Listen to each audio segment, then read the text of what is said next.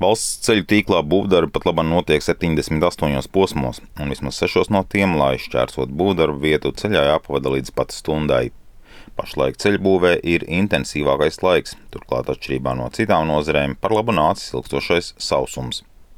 Noslēdzas arī vairums lielāko valsts iepirkumu, un uzņēmuma Latvijas valsts ceļi valdes loceklis Gundars Kains vērtē, ka 4-5 pretendenti uz katru konkursu ir labs rādītājs. Kad apjoms ir liels, nu, teiksim, šobrīd kādos 65 objektos notiek būvniecība. Katrā ir kaut kādas noteiktas, kā jau pie būvniecības līguma, ir kāda niansēta projekta izpildes lietas, bet tā globāli pateikt, kad uh, kaut kas būtu mainījies vai neizprotu, tā nav cenu rāmjos arī iekļaujas? Mēs katrā ziņā neko šobrīd tādu būtisku neesam saskatījuši.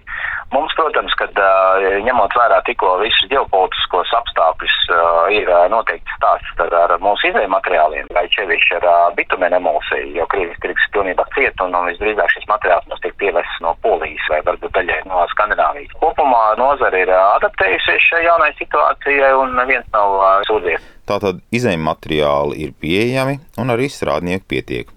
Tā savukārt apgalvo biedrības Latvijas ceļu būvētājs vadītājs Andris Bērziņš. Ir šur tur kādas problēmas, bet mūs jau risina.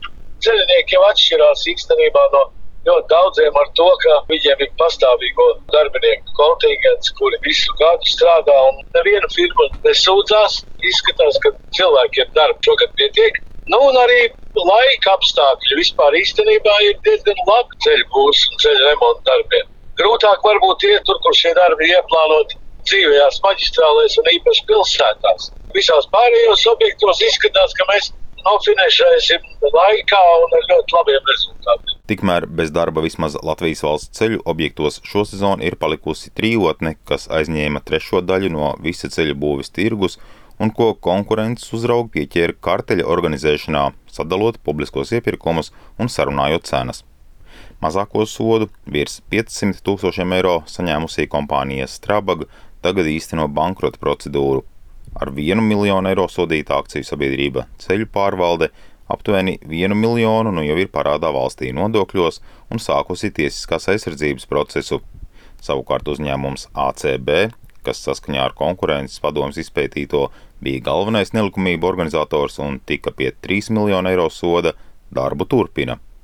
Taču ne valsts ceļos, saka Gundars Kains. ACB nav vairs nevienā objektā.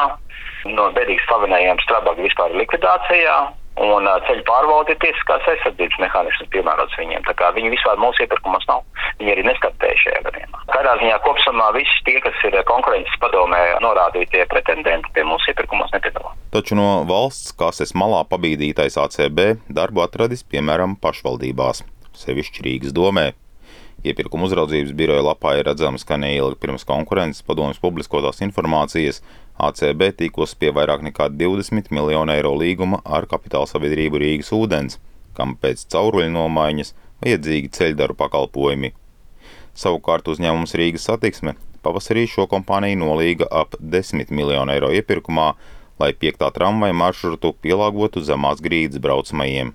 ACB finanšu dati rāda ap 75 miljonu eiro gada apgrozījumu un vairāk nekā 400 darbinieku kolektīvu.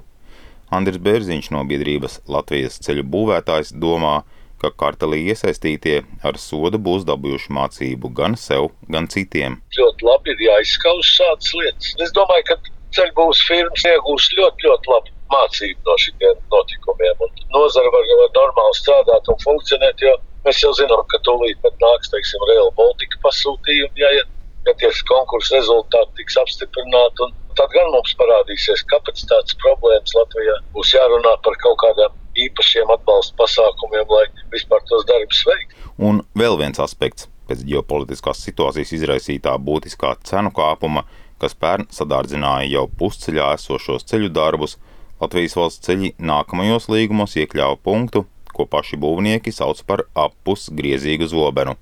Proti, ka cenu mazinājumu laikā arī prasīs pārskatīt līgumcenas, taču uzņēmumā norādīja, ka tāds laiks ceļbūvē pagaidām vēl nav iestājies. Edgars Kupčs, Latvijas radio.